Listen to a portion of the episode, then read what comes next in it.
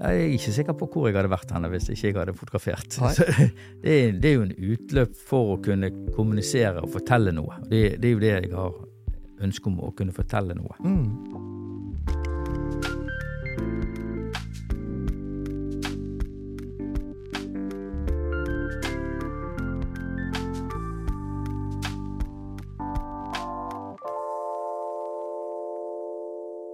Kjære ørevenner, kjære seere, velkommen til en ny episode av Fotopodden. I dag har vi besøk av en gjest som heter Terje Bergesen. Han er eh, skal vi kalle deg kunstfotograf, analogfotograf. Kan vi kalle deg Eh, bergensfotograf? Bergensfotograf og, eh, og eh, kunstfotograf, ja, Ja. gjerne, men ikke analog. Du er ikke analog? bare- Nei, ikke lenger. Nei. Det, jeg har vært eh, på den analoge siden i mange, mange år, og setter utrolig stor pris på at vi nå har eh, inntatt den digitale verden. Ja. Ja. Uansett, velkommen til oss. Veldig hyggelig at du kunne komme hit. Takk for det. Kan du kanskje begynne med å si litt om deg selv? Det er kanskje mange der ute som ikke kjenner deg. Eh, ja, jeg har eh, jobbet som eh, reklame- og industrifotograf i mange år. Og eh, etter eh, at det ble eh, for mye press på tid og økonomi, så har jeg valgt å gå over i et annet yrke. Mens jeg nå jobber bare med egne fotoprosjekt. Ja, Så nå kan du gjøre hva du vil. Ja, Ja. akkurat hva jeg vil, og jeg bruker den tiden jeg vil. Og eh, hvis det, folk ikke liker det jeg holder på med, så er det egentlig helt greit. For jeg gjør fototingene kun for meg sjøl, egentlig. da. Men du har jo utstillinger og utgir bøker og illustrerer og Du gjør jo mye for andre allikevel, da. Ja, ja. Eh, Du må liksom ha den kreative prosessen gående eh, i hodet, da, slik at eh, jeg føler at jeg skaper noe fremdeles. Ja. Og det er jo hyggelig for oss andre å få glede av det også. Jeg sitter her med to bøker foran meg. Den ene er ikke så veldig ny, men den blir litt mer aktuell nå. Uh, Terje er her fordi vi skal printe en utstilling for han som vi skal ha i lokalene våre i Bergen. Og den handler om trær. Ja, den handler om uh, enslige trær med personlighet. Ja. Uh, det er et prosjekt som jeg har holdt på med i ca. 15 år. Slik at det har brukt mye tid. Eh, og jeg har vært på jakt etter trær som, eh, som ligner på hverandre i form eh, over landegrensene. Noen med tjukk stamme som går oppover, og så greiner som går Ja, og at formen på treet det blir liksom eh, ligner på hverandre. Eh, og det blir som et eh, symbol på, på menneskene. At de er like over landegrensene. Og jeg har fått både eh, kulturredaktøren i Bergens Tidende, eh, Jan Nyberg, og eh, Malin Barth, som er direktør for Kunsthall 3,14. Eh, de har begge to skrevet eh, hver sine forord til boken. Og eh, det forklarer jo hele prosessen eh, sett i kontekst. da. Mm. Eh, slik at da blir det gjerne litt mer forståelig enn at det bare er bilder av, av trær. Ja. Hvordan har du gått fram for å I dette prosjektet, har du søkt opp trær og kommet tilbake gang etter gang, eller har du reist rundt på leting etter disse trærne, eller hvordan Ja, det er begge deler, egentlig. Mm. det prosjektet der det er fotografert analogt eh, med Hasselblad. Eh, og jeg har eh, forholdt meg helt til, eh, til alt som er på negativen. Altså det er ikke laget noe, kroppet noe utsnitt og sånt i etterkant. Eh, hovedsakelig så har det vært for eh, med, Jeg tar alle bildene mine stort sett på prosjekter med helt overskyet vær, slik at det er helt dødt lys. Og da kan jeg eh, fremheve formene og få de eh, sånn som jeg vil, og legge inn de kontrastene jeg måtte ønske i etterkant. Ja.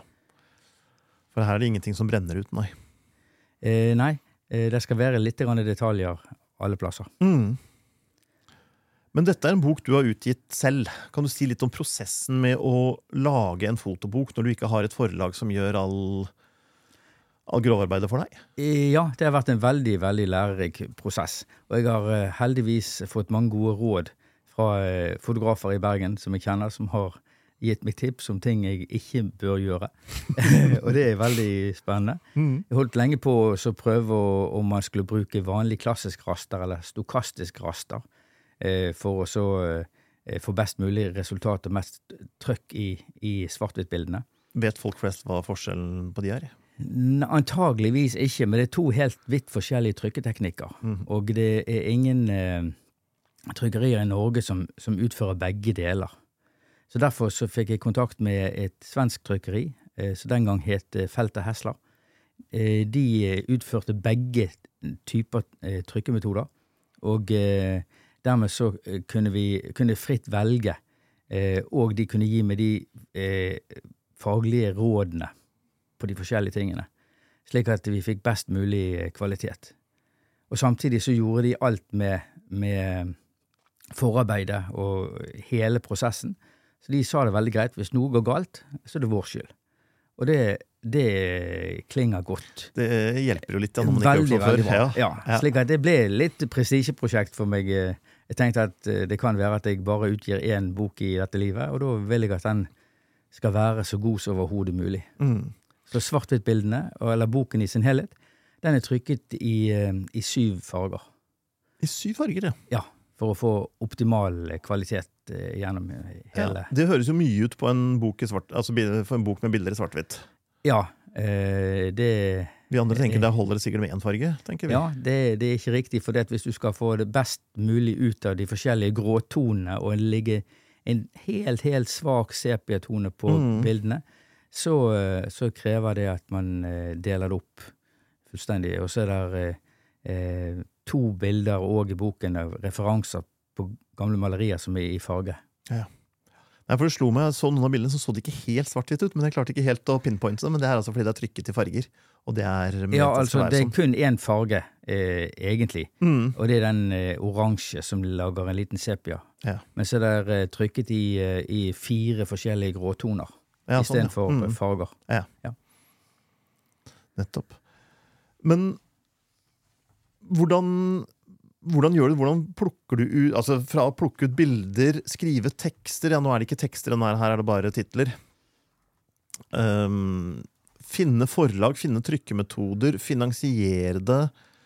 Distribusjon Det må jo være en enorm greie her, som man vanligvis bare overlater til andre. Det er masse arbeid. Og det jeg har lært, i hvert fall er at det å utgi på eget forlag, det er veldig spennende. Men eh, det å selge sitt eget produkt i etterkant, det er eh, i hvert fall for meg en helt, eh, helt håpløs oppgave. For det å stå og skryte av sitt eget arbeid og prosjekt, det er grusomt kleint. Ja. Så det er, ikke, det er ikke, noe greit. Men når det gjelder økonomien, så har jeg dekket alt uh, sjøl. Og vel, jeg kjører en billig bil, jeg har ingen hytte og jeg har ingen båt, så noe, noe kan jo man tillate seg å bruke pengene på. Ja. ja. Kan jeg spørre hvor mange eksemplarer den er trykket i? Eventuelt går det an å spørre hvor dårlig økonomien ble i dette? her? Altså... Jeg valgte i 1500 eksemplarer, mm. og uh, den går i pluss. Den går i pluss, ja? ja på økonomi så gjør man det. Hvis du ikke regner timene du har lagt inn, da, selvfølgelig. Ja, ja. ja eh, det nytter jo ikke. Men eh, økonomien har gått i pluss. Og i kjølvannet av boken så fikk jeg eh, tildelt en ganske stor utsmykkingsjobb for Helse Bergen. Oh, ja. eh, og det ble en veldig hyggelig sak. Ja. Så økonomien i en bok er mer enn selve økonomien i boka, fordi det kaster, kan kaste ting av seg? Ja, det blir et, som et eh, for å si et ganske elegant uh, visittkort. Mm. Slik at, at, det kan være, åpne flere andre dører. Og det gjorde dette prosjektet. Mm. Ja. Jeg har snakket med flere fotografer som ønsker å utgi bok, men de sliter med å finne et forlag som vil gjøre det, og, øh, og det er vanskelig å få det gjennom den mølla der, da. Ja. Men da går det an å utgi det selv, og det trenger ikke være bankerott. Nei, altså det ble jo eh, Folk bruker jo masse penger på klær og på, på reiser og mm. bil og stereoanlegg og klokker og hva det måtte være. Og det er klart at hvis man skal være med på hele den, den galoppen, så er det ikke sikkert det er penger igjen til bok. Nei. Men hvis man sparer inn litt andre steder, så er det penger for vanlige folk egentlig til en egotripp ja. med å utgi en bok. Og det er, det er en grådig spennende eh, prosess. Mm. Det er jo veldig gøy. Men dette prosjektet, har det da fortsatt etter at boka kom ut? Ja. Eh, altså, når du har fotografert trær i 15 år, så kan du ikke slutte sånn tvert. det, det, går liksom ikke. Det er som andre rusmidler? Ja, det, det, det, følger på, liksom. sant? Så ja, det er klart. Det der vil nok alltid henge med meg. Mm. Ja. Så utstillingen du nå skal ha i Bergen, den har da også bilder som ikke er fra boka? Nei, eh, alle bildene er fra, fra boken. Mm. Eh, fordi at man, da har man gjenkjenningen. Og vi har plukket ut eh, syv bilder som skal eh, printes med velvillighet fra foto.no i, i stort format. Eh, slik at eh, det blir en spennende eh, sak å få presentert Ja. trærne mine på den måten. Ja, Det Ja. blir gøy jo at prosjektet lever litt videre. Ja da, ja da. Ja. Og du jobber jo mye med prosjekter. Jeg har jo vært inne på, på nettsidene dine og, og kikket litt, og der har du jo prosjekter hvor du har tatt bilde av sånne helt uh, ordinære ting som alle tar bilde av, som parabolantenner og hageslanger og dovegger og sånn. Eh, ja. Kan du fortelle litt om tanken bak å, ta bilde av sånne ting? Jeg prøver egentlig også å se på de tingene som er i hverdagen. Uh, og eh, dette med parabolantenner, det blir jo egentlig en, eh, på et vis en liten tidskapsel. Fordi at eh, eh, de er, veldig ofte så er disse parabolene skrudd opp i full fart eh, med én ting, eh, og det er å få inn flest mulig kanaler. Og estetikken i arkitekturen den er fullstendig glemt. Slik at jeg har kanskje sett en del fornøyelige eh, måter dette blir gjort på. Og så er det en tidskapsel, for i dag så er det jo eh, de fleste får internett på, på fiber, Mm. slik at parabolene forsvinner. Så det, sånn sett så er det prosjektet har endret seg egentlig etter at jeg gjorde det ferdig. Altså Det startet som en studie i dårlig arkitektur eller dårlig Ja. estetikk, og så ble det historisk eh, Ja, sak. ja, jeg begynner å se morsomheten i disse her eh, vortene som dukker opp på, eh, på forskjellige eh, på De mest underlige eh, rareste plasser og på de fineste husene. Så det liksom ja. eh, Ja, det var det som var eh, starten på det hele der. Ja, nettopp. Men hageslanger, altså, er ikke det en grønn eller oransje kveil som henger på en vegg? Jo, det er helt riktig. Og det er, det er, man ser ikke de tingene der. Men eh, jeg har eh, Når jeg har mulighet til å bruke tid på tingene, så, så, tenker jeg ofte tilbake. Hva, hva, hva, eh, hva kjenner du følelser for? Og når jeg var liten gutt, så var det min jobb eh, hver lørdag å spyle fortauet. Ja. Eh, for å holde det rent. Det var helt vanlig. Alle gjorde det. Og eh, nå er jo jeg noen år, så dette, i dag tror jeg folk ville gjerne sett rart på deg hvis du sto ute og spilte fortauet. Men i hvert fall, det var min jobb. Og, og unger å stå og spyle med vann, det er noe som er Det er en sånn eh, eh, mediterende effekt. Og, og eh, jeg begynte å kjenne etter på den følelsen, og så se liksom rundt omkring.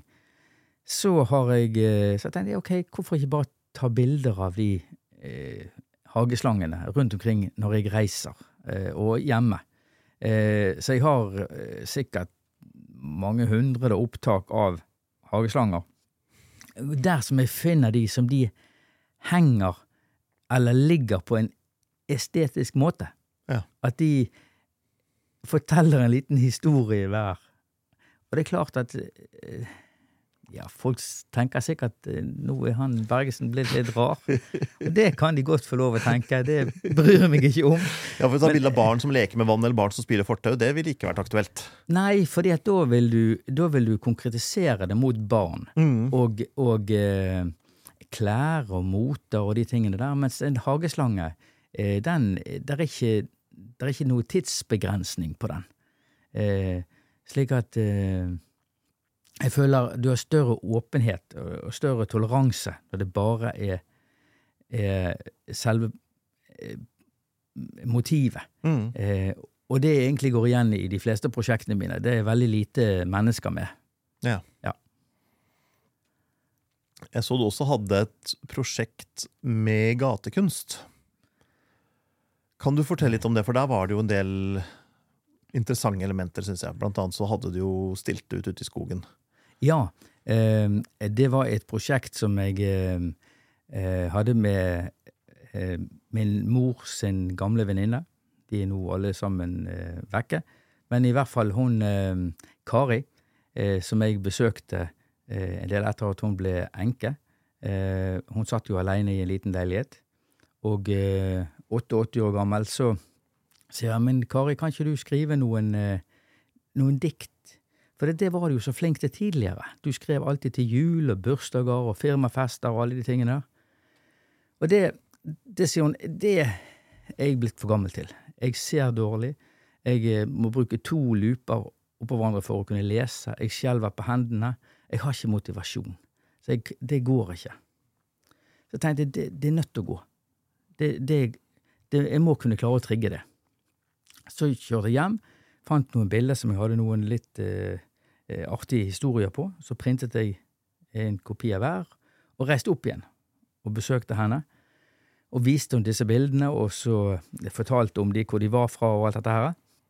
Eh, og så det hadde vært veldig, veldig kjekt hvis du kunne skrive litt grann om disse. Og sier hun det, det, den tiden det er over. Det går ikke. Men så, så glemte jeg igjen de bildene på salongbordet. Så de ble Glemt liggende igjen. Glemt igjen. og eh, eh, når jeg kom opp igjen eh, en halvannen må to måneder etterpå, så det første hun sa til meg Jeg har noen tekster til deg. ja vel? Og jeg hadde en viss følelse av det, så av en eller annen pussig årsak så hadde jeg med tre bilder til. Og vi hadde, en, eh, vi hadde faktisk en ganske hyggelig prat. Og eh, da fikk vi snakket om helt andre ting enn sykdom og tabletter og de tingene som var hennes liv, egentlig, da. Mm. Så jeg eh, fortsatte eh, og tok med to-tre bilder hver gang jeg besøkte henne. Og eh, faktisk, etter et halvannet år, så innrømte hun faktisk at dette var egentlig ganske kjekt. og vi holdt på med dette i to og et halvt år, før hun ble for dårlig, da. Og vi har nå eh, 63 bilder med tekster eh, sammen. Oh. Eh, og eh, de eh, laget jeg eh, opp eh, i 50-70 kopier, og hadde en sånn pop-up-utstilling i Canadaskogen i Bergen. På, eh, og viste eh, foto og tekstene hennes. Slik at eh, Hvordan har man en pop-up-utstilling? Bare sniker man seg ut om natta og setter opp bildene i skogen? Ja, vi gikk ikke om natten, men vi hadde, jeg hadde laget til stativer, eh, slik at vi fikk banket det ned i jorden ved siden av et sånt turløype i Bergen. Eh, og så skrudde vi Så alt var prefabrikkert. Og så skrudde vi opp eh, bildene. Eh, og de var laget på print som tålte regn og snø og alt dette her. Og så tenkte vi dette her håper vi går greit. Du, var ikke, du hadde ikke søkt noen om noe på forhånd? Nei, jeg hadde ikke søkt. Jeg, det innrømmer jeg. Jeg hadde tatt meg den friheten. Fordi at jeg fant ut at hvis jeg får avslag, så kan du i hvert fall ikke stille ut. Nei, ikke sant? Og det, hvis du da bare stiller ut, Mhm. så kan du få litt kjeft. Mhm. Og det har jeg fått før, så det går greit. så, men en, som sagt, en eh, pop-opp-utstilling er jo noe som varer i en, gjerne eh, tre, fire, fem uker, kanskje. Noe sånt. Og så plukket vi det ned igjen, ryddet opp og alt dette her. Og det var da bilder av gatekunst. Var det fordi det var for mye natur der ute fra før, så du ville ha litt sånn bymiljø inn ute i skogen? Dette, I denne utstillingen var de bildene til Kari Ja. og tekstene med meg. Men okay. jeg hadde ja. også laget en, en utstilling på et av fjellene i turløypen opp til fjellene i Bergen. Og det var gatekunst. Det var, det var gatekunst. Det var gatekunst, Mm, ja. ja. Og det var egentlig fordi at ø, da var akkurat covid slått inn, og jeg, alle ble jo bundet på hender og føtter. Eh, og folk gikk mye på tur, eh, for det var lov. Og fant jeg ut da må jeg, da må jeg bidra med noe der, rett og slett. Ja. Og både for de som går på tur, og, og også eh, for mitt eget eh, hode, at jeg fikk eh, utført noe, da. Mm. Ja. Men for denne eldre damen så må det jo ha vært egentlig helt fantastisk, for du ga henne jo et innhold i livet. En mening med livet. Ja. Når hun trodde hun ikke hadde noe mer, egentlig. Ja. ja. Hun var veldig takknemlig i etterkant på dette her. Mm. Og hun sa faktisk at det var kanskje den tingen som hadde gjort det best for henne i alderdommen. Ja. Og da tenker jeg at Og det eh, å jobbe med foto kan faktisk gjøre en forskjell. Både for deg sjøl, men også for andre. Og det er egentlig eh, noe veldig mange kan gjøre noe med. Så du tar ikke så mye bilde av mennesker, men du gjør mye for mennesker allikevel, da. Egentlig. Jeg håper jo det. Det må jo føles godt, det også. Ja da. Ja da. Når det du gjør, faktisk betyr noe for noen andre. Ja. Ja. ja. Og det er den måten jeg kan bidra med med foto. Mm. Og veldig mange undervurderer det de holder på med. Eh, slik at jeg tenker hvis du går litt i deg sjøl, så kan folk gjøre ting lokalt, eh, eller med familie, eller hva som helst, med foto, som vil gjøre en forskjell. Fikk du kjeft av kommunen for å ha satt opp disse bildene, eller? Ikke av kommunen, men jeg fikk jo ganske hard medfart på, på Facebook. Eh, annonserte dette på Facebook, og eh, eh, det ble en voldsom diskusjon. Og eh, eh, det er jo mange nettroll der ute. Eh, og jeg har eh, tatt skjermdump av en del av kommentarene. De er absolutt verdifulle. og eh, mest sannsynlig de mest negative. De går antageligvis ikke så langt fra sofaen sin uansett. Eh, og eh, samtidig så var det mange som forsvarte det, så det ble faktisk en ganske stor debatt med mange hundre innlegg. Eh, på Facebook. Og det blir jo òg en, en ting med at et prosjekt lever sitt eget liv. Og så får man blir det en øvelse på å få litt eh, tjukkere hud og tåle litt mer eh, juling. Ja, Men kunsten skal jo provosere, så da har du jo klart det også. Du provoserer jo ikke så veldig mange ved å ta bilde av trær. Eh, Så da er det jo godt at du kan provosere på en annen måte, da. Ja da. Ja. ja da. Få opp eh, blodtrykket litt. Grann. Ja. Ja, ja. Hva var det kritikken gikk på? Var det at du ødela naturen, eller? Ja, altså, eh, denne driten hører ikke til i naturen. Det Mm. var noen, og eh, eh, hvem i all verden har betalt for denne driten? Mm. det var, en del kommentarer. Og ja, det blir Mens samtidig så var det også folk som, som ikke pleide å gå på tur der, men som gikk der kun for å se bildene. Mm. Og, og det veier jo absolutt opp. Veldig moro. Vi har en bok til her som du har med deg, Ja. som er en bok med dikt. Som du ble bedt om å illustrere. Og Den er illustrert på en ganske interessant måte, synes jeg. For jeg skjønner jo Nå har jeg ikke lest diktene, men jeg skjønner jo ingenting av bildene her. Det er veldig bra. Kan du fortelle litt om, om det? Ja, eh, det er en kjent av meg, Atle Mo, som kom til meg og spurte om Han hadde også sett denne treboken, og kom til meg og spurte om jeg kunne illustrere hans lyrikk, for han ville gjerne gi den ut i bokform. Og jeg må jo innrømme at min kunnskap på lyrikk, den er ikke så veldig stor, så jeg måtte gå ganske dypt i å prøve å lære litt om det. Og jeg forstår i hvert fall at en av de viktige tingene er at det er, det er doble meninger. Og eh, jeg har sett ganske mange bøker hvor foto illustrerer tekst som jeg syns forholdsvis lite om sjøl. Fordi at eh, foto er så sterkt medie at det blåser veldig lett teksten. Altså du får eh, budskapet eh, forklart for tidlig, så du ødelegger egentlig teksten. Ja, og tolknings, dine egne tolkningsmuligheter, kanskje? Ja, Mm. ja for det at du blir, tingene settes i bås. Mm. Så dermed så eh, eh, valgte jeg å gjøre det slik at eh, jeg ville prøve å finne såpass abstrakte foto at eh, de blir spennende, men uforståelig, til man har lest teksten. Og når man har lest teksten, så forhåpentligvis så ser man igjen symbolikken i fotografiet. Ja, nettopp. Mm. Eh, og dermed så har jeg ikke ødelagt for den som skriver lyrikken. Det var liksom eh, målsettingen. Eh, og så hadde jeg et prosjekt som jeg hadde holdt på med og fotografert i tolv år, eh, med en delte følelser, altså delt verden, hvor alle bildene er delt opp i senter, helt 100 i, i, delt i to, enten horisontalt eller vertikalt, eller også i noen tilfeller òg en tredeling.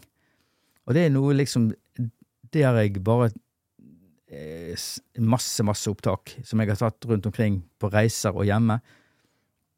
Eh, av når jeg ser at eh, to typer opplevelser eller følelser eh, står rett ved siden av hverandre og kolliderer. Og det er egentlig eh, Sånn er vi jo. Mm. Eh, altså, vi er sammensatt. Og når jeg leste tekstene til Atle, så fant jeg ut at eh, det prosjektet kunne antageligvis brukes eh, der. Og vi følte at det fungerte veldig greit sammen, da. Mm. Eh, der fikk vi også nei fra forlaget, eh, fordi at de trodde ikke på lyrikk. Det er sjelden de tror på lyrikk. Ja, Mm. eh, og med foto i tillegg så vil jo det bare fordyre produksjonskostnadene. Mm. Og der laget vi en dummy-bok eh, på eh, et sånn fotosak. Og eh, reiste, til, reiste tilbake, fikk en avtale med redaktøren, og så sa har du lyst til å kikke på boken. Eh, og han trodde jo da at dette var utgitt. Så sa jeg nei, det er det ikke. Den venter på deg. Ja. Så da, uh, men da fikk han sett hvordan det var tenkt, både med layout og de tingene det uh, jeg har laget, og eh, hvordan dette kunne ta seg ut. Og da, når han så hvordan det så ut, så, så fikk vi han med. Så da ble den utgitt på et på ordentlig forlag? Da slapp dere å gjøre det selv? Da er det utgitt på Kababel forlag. Ja. Ja, og eh, det prosjektet gikk for, også i null. Eh, den er trykket i 500 eksemplarer. Ja. Så ja. Så vi håper det er visittkort til å åpne nydører igjen. Ja, ikke sant? Ja. Spennende. Den heter da Tilfluktsrom. Er av Atle Moe og Terje Bergesen. Jeg kalte deg initielt bergensfotograf, og det er ikke fordi bergensere er nasjonalistiske og veldig gjerne vil være bergensere, men det er jo mye fordi du fotograferer mye i Bergen. Trebildene er jo fra rundt omkring overalt, men fortell litt om hvorfor du bruker Bergen som eh, stasjon. Det er jo fordi at det er Bergen, eller mitt område, det er det jeg kjenner best. Mm. Eh, og, altså mitt område rundt Bergen og i Norge. Der kjenner jeg språket, der kjenner jeg kulturen, der kjenner jeg landskapene, og kjenner følelsene og tryggheten. Og det er der jeg, jeg finner inspirasjon. Så jeg eh, eh, Fotomessig ville det vært fint å ha vært en, på tur til Afrika, men fotomessig, for meg, så vil ikke det være det store. Eh, For meg ligger det eh, lokalt, der som eh, jeg For der kjenner jeg kjenner det hele. Og så er jeg opptatt av typologier, altså ting som ligner på hverandre. Jeg ble inspirert eh, veldig av en fotoutstilling som jeg så i Dublin for en 27-28 år siden, av Berner Hilla Becher, hvor de har eh, masse bilder av industrielle installasjoner og eh, byggverk. Og det trigget meg eh, vanvittig, for at jeg er i utgangspunktet en samler. Samler på det meste. Og I bilder eller ting også? Ja, alt. Alt. Ja. Jeg har ganske fullt hus. Men Velutstyrt med hamstergener, som jeg pleier å si. Ja, Ja. ja. Men når jeg da kunne samle det så veldig lett på PC-en, og systematisere det med Lightroom, så ble det ganske spennende å jobbe på den måten som Berner Hiller Becher. Eh, Så det endret hele min måte å fotografere på, da. Og eh, når jeg da eh, har jeg vet ikke, jeg, er alltid en sånn 20-25-30 prosjekt som går.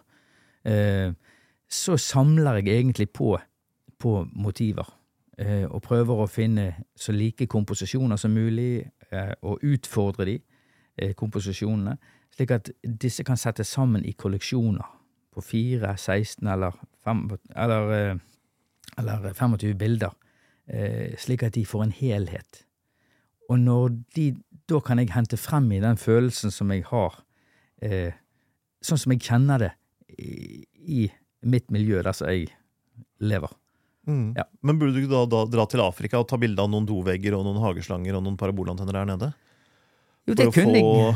Kontrastene der, men likevel serier av ting som ligner. Men Ja, men Det ble for springende på et vis. Ja. Da måtte det bli et eget prosjekt. Ja. Og jeg tenker at nei, jeg, eh, jeg hører til hjemme. Og jeg merket spesielt under, eh, under covid, eh, så eh, gikk jeg veldig mye på tur i mitt nærområde. Og eh, gikk alle gater, opp og ned, frem og tilbake, eh, og ser hele tiden på hva hva er det som er egentlig i mitt miljø mm. og prøve å sette de tingene sammen. Og det ja, altså Hvis du skal få gjort noe kreativt, tenker jeg, så er det veldig godt å kjede seg, for da, begynner de kreative selv å jobbe litt. Grann. ja. Og så er det, jo, det er jo noe med at når du Man sier jo at de fotografene som har forberedt seg best, de har mest flaks. Så når du kjenner ting, når du vet hvordan ting fungerer, hvor ting er, når lyset er riktig på visse steder, eller skal du ta bilde av noe som skjer Hvis du kjenner til det som skjer, så blir du også mye flinkere til å ta bilde av det. Og det er kanskje litt det du gjør også, da. Ja da, det er det. Er, og kommer du til Afrika, så har du ikke peiling. det er riktig. Mm. Det er riktig. Så jeg, jeg liksom Jeg eh, når du, når, du, når du er der, så vet du om tingene. Mm. Og så er det egentlig å hente motiv, motivasjon fra, fra ting du bryr deg om, og så tenke etter med deg sjøl hva bryr du deg om, og en del prosjekter som startes, de skjønner jeg etter en stund at dette kan faktisk ikke bli noe ut av. Da, da må du bare ta med deg lærdommen og kunnskapen på det til noe annet. Men eh, kanskje om fem eller ti år så dukker det opp igjen, og da ligger jo de filene der, så du kan jobbe videre på det. Mm. Ja. Men du jobber mest på prosjekter. Du går ikke bare ut med et kamera for å se om det er noe å ta bilde av. Du har en eller annen konkret plan med et prosjekt til enhver tid? Eller to eller tre prosjekter? Ja, en 20-25 prosjekter, er ja. det- prosjekter er det nok i hvert fall. Eh, og jeg har gjerne med meg kamera, fordi at jeg vet at kanskje nå kan det dukke opp noe til, til dette prosjektet. Eh, men eh, eh, Nei, det Men jeg bruker jo òg en del eh, mobilkamera. Eh, det er klart, det blir jo ikke så fantastisk, men eh, Det er ikke helt Hasselblad ennå. Nei, Nei. overhodet ikke. Men allikevel. Så eh, mobilen har du med. Mm. Da får jeg tatt de bildene. Eh, og eh, eh, ofte så skal ikke de bildene presenteres større enn gjerne 30 ganger 30 likevel. Mm. Og det, hvis man jobber med det litt i, i Lightroom og Photoshop, så holder det helt fint på en print på 30-30. Og da er det egentlig Da velger jeg å benytte det mobilkameraet istedenfor å levere ut av bildet. Du tar ikke bilde, du, du tar veldig mye bilder av ting som står ganske stille. Du kommer ikke da tilbake etterpå med et ordentlig kamera fordi du har sett at den der Jo, på en, en del ting gjør det. Ja. absolutt. Da bruker jeg gjerne eh, mobilen som en skisseblokk, Mm. rett og slett. Eh, og eh, har de tingene liggende. Og så når jeg vet at lyset er riktig, og eh, hele settingen er riktig, så jeg stikker jeg tilbake igjen og tar bilde med, med et fornuftig kamera. Mm. Ja. Men tar du disse bildene når du er ute og går, eller går du ut for å ta disse bildene? Eh, begge deler. Begge deler. Ja. ja. Jeg tenker egentlig foto hele tiden. Ja. Og min kone spurte for en tid tilbake må du ta bilder hele tiden. og svaret er enkelt og greit ja. Ja. ja. Jeg må det. Jeg tenker foto hele tiden. Ja. Ja, det er bare sånn jeg er. Mm. Har du f.eks. barn som eh, kjenner deg igjen uten kamera foran ansiktet, eller kjenner de deg bare igjen hvis du har kameraet der? Ja, det er ikke så godt å si. Jeg har ikke egne barn. Nei, jeg Men, eh, men jeg er nok kjent for å ta mye bilder, ja. Ja. Ja. Hvis du da er ute og går, eh, dukker det av og til opp motiver som er så bra at du må starte et nytt prosjekt der og da, eller? Ja. Ja. Men uansett så koster det jo ingenting å ta de bildene. Overhodet ikke. Nei. Det er bare om å gjøre også Jeg har en pleier å Altså, for meg er det viktig at det er en komposisjon som går igjen. Og dermed så må jeg vite at når jeg tar de bildene, at det ikke er bare på måfå.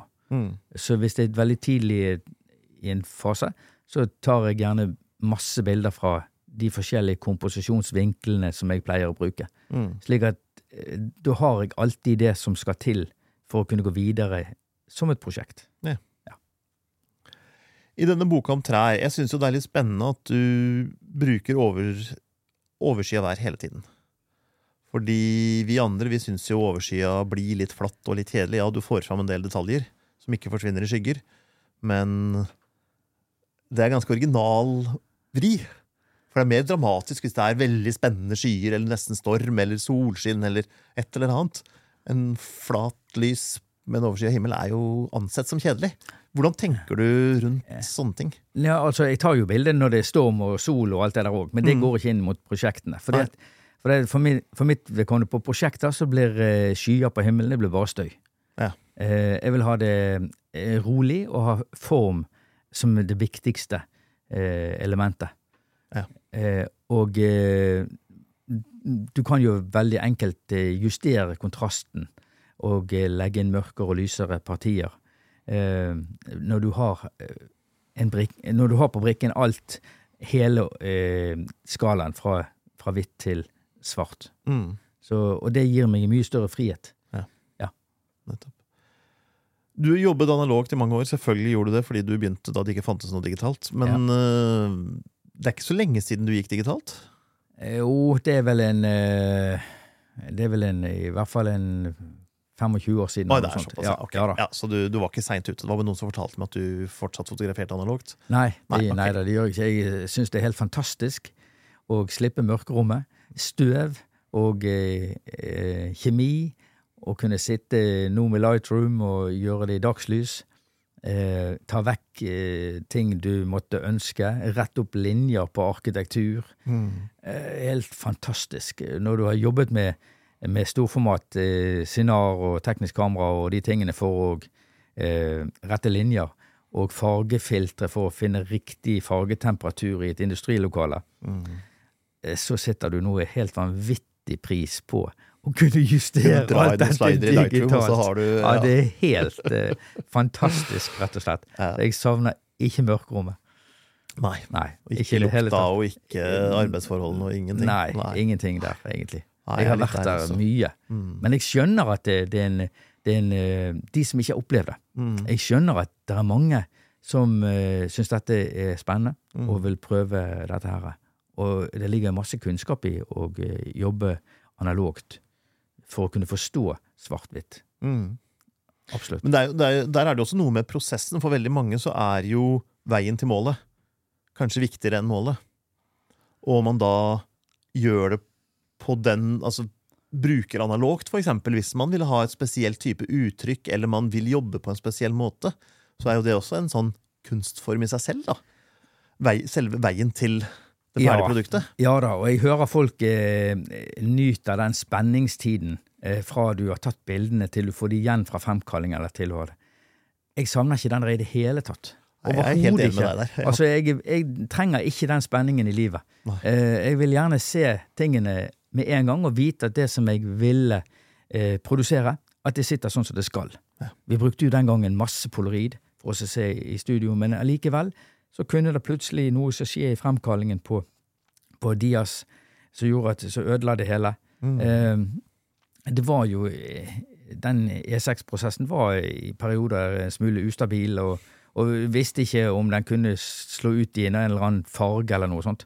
Og hele greia var spolert. Mm. Og den tingen der, å slippe det, den spenningen, er helt flott med digitalt. Og så er det noe med at man lærer en del prosesser eh, når, når du bruker digitalt. Du kan se resultatet med en gang. Så lærer du også litt om hvordan du selv jobber, og hvordan kameraet jobber. Fordi altså, Jeg gikk jo i gamle dager med notatblokk, og så noterte jeg ned eh, eksponeringsverdier, det vi da Ja. kaller Exif-data, på en blokk. Og så skulle jeg matche det etterpå for å prøve å lære noe av hva som ble riktig eller hva som ble feil. Men nå har du alt sammen, og du ser det med en gang, og satt ikke smilet, så kan du ta et bilde til. Og satt, ble det noen rare skygger, så kan du flytte litt på ting og, og gjøre det en gang til. Ja. Og det er jo uendelig mye lettere å få ting riktig. Mhm. Og jeg syns at man lærer fortere. Ja. Men det er kanskje også fordi jeg har den bakgrunnen. I dag så Mhm. tenker man kanskje man trenger ikke å lære, fordi alt kan gå så automatisk. Mhm. Jeg vet ikke, men, Ja. Men det, er mange, det er mange elementer der, da. Ja, ja. Hva driver du med nå? Hvilke spennende prosjekter har du på gang nå? Nå holder jeg på med forhåpentligvis eh, to bøker. En, eh, en utstilling. eh, To utstillinger, faktisk. Og så er det liksom bare å ta tak i de gamle prosjektene som, som går. Ja. Og ja, prøve å hente inspirasjon med å gå på utstillinger. eh, Se mest mulig utstillinger. Eh, Ikke foto, men, men eh, maleri, skulptur. eh, hva som helst, egentlig, for å prøve å, hente inspirasjon fra andre kunstformer. Ja, nettopp. Ja. Hvordan tenker du at du bruker det i dine bilder? Jeg kan, jeg kan lære noe om komposisjon, øh, fargesammensetninger, øh, øh, måte å tenke på. Eh, det, det åpner opp for, for nye måter å tenke på. Mm. Det, det er veldig god vitamininnsprøytning. Men det blir ikke noe penger av dette her, egentlig. Det er ikke dette du blir rik på. Nei, Du har ikke liksom eh, slått igjennom internasjonalt. nei, det har jeg ikke. Og det er jeg ikke sikker på. Jeg baserer det ikke på det. Jeg gjør jo bare de tingene som jeg har lyst til å gjøre sjøl. Ja. Og eh, jeg har en jobb, så jeg har eh, en eh, inntekt. Jeg har ikke vunnet i Lotto, så jeg må ta det litt eh, piano. Ja. Men eh, jeg, eh, det er i hvert fall slik at jeg kan jobbe med de tingene jeg har lyst til, og jeg føler at jeg kan være i kreative prosesser. Er det terapi for deg? Hadde du blitt gal hvis du ikke kunne gjøre det der? Jeg er ikke sikker på hvor jeg hadde vært henne hvis ikke jeg hadde fotografert. Det, det er jo en utløp for å kunne kommunisere og fortelle noe. Det, det er jo det jeg har ønske om, å kunne fortelle noe. Mm. Eh, sånn at eh, det er en god mentalhygiene å ha noe man bryr seg om, tenker jeg. Jeg syns det er veldig moro ja, at du vil utgi en bok, og hvis det ikke er noe forlag som gjør det, så gjør du det selv. Og andre fotografer leter med lys og lykter etter gallerier som vil henge opp bildene deres, og du bare lager deg en utstilling selv. Det er jo en veldig sånn eh, direkte approach til, eh, til Ja. utfordringene, da. Ja, altså fordi at eh, hvis jeg bare skal vente på at jeg finner et galleri, eller at galleri ringer meg, så vet jeg jo at det kommer kanskje ikke til å skje. Nei. Og da kan du sitte der hjemme og så ruge på bildene. Mm. Eller du bare gjør noe. Ja. Og så om du da får litt kjeft, så får du litt kjeft. Og så, ja. Det blir i hvert fall en aktivitet. Ja, Det er kanskje et godt tips til, til mange fotografer, for det er jo det er mange som har lyst til å ha noe å skilte med og sette på CV-en, men de bruker så mye tid og energi på å prøve å selge seg inn, eller de er så lite glad i den prosessen med å selge seg inn, at da kan man jo egentlig bare hoppe over mye av den innsalgsprosessen da, og så bare gjøre det selv. Ja, det, det kan du si. At det er en, eh, det er en måte å gjøre det på. Eh, og så er det noe med at eh, hvis man skal søke midler eller eh, få noen med på et prosjekt, så eh, må det ha vært noe på, eh, på CV-en fra før. Og hvis den CV-en er blank, så er det jo ingenting Altså, det er noe med at du kan vise gjennomføringsevne. At du kan At det er stayerevne over lang tid til å få ting gjort. Eh, Og eh, eh, vi jobber nå med finansieringen på et større prosjekt med en skole i, i Bergen, hvor jeg har dokumentert forskjellige prosesser der gjennom veldig mange år. Og, og da må vi ha da må vi ha penger på bordet, for det er ingen forlag i dag som er villig til å sette i gang noe som helst uten at det er fullfinansiert. Nei. Og det kan man se når Nordli kom ut med sin eh, eh, her eh, for et par uker siden, så var det ingen kunstbøker. Det er ingen, det utgis nesten ikke kunstbøker lenger. Nei. Slik at det er ingen som tør å ta sjansen på det. Og da må det finansiering på plass. Slik at det, det jobbes nå Jeg jobber en del med- nå med å få en finansiering på plass eh, på et eh, bokprosjekt. Og eh, hvis ikke vi får det gjennom, så, så kan vi rett og slett bare ikke gi det ut, for det blir for risikabelt. Det er for stort. Det er, Det er større stort. enn trærne dine. Ja da, det, er- det er mye, mye større. Og jeg utgi en eh, bok i dag med en god kvalitet, og jeg tenker å utgi noe med paperback, det, det vil jeg rett og slett ikke. Jeg vil ha det skikkelig. Mm. Eh, og eh, da går det fort 400 000. Eh, og det Da blir det dyr hobby. Da blir det dyr hobby, og det Ja. går liksom ikke. Sånn at eh, finansieringen er en del greier. Men eh, det er jo en øvelse, det å selge inn prosjekt Mm. og, og eh, presentere eh, for, for mulige eh, sponsorer. Mm. Ja. Er det noe vi ikke har vært innom, som du gjerne vil vi skal snakke om? Nei, nå tror jeg vi har vært, fått med oss ganske mye. Ja. Ja. Så bra. Ja, Veldig hyggelig. Da sier jeg tusen takk til deg, Terje. Tusen takk til alle lyttere og seere der ute. Vi ses igjen om en uke. Mitt navn er Erik Forhund. Teknisk ansvarlig var Thomas Brun.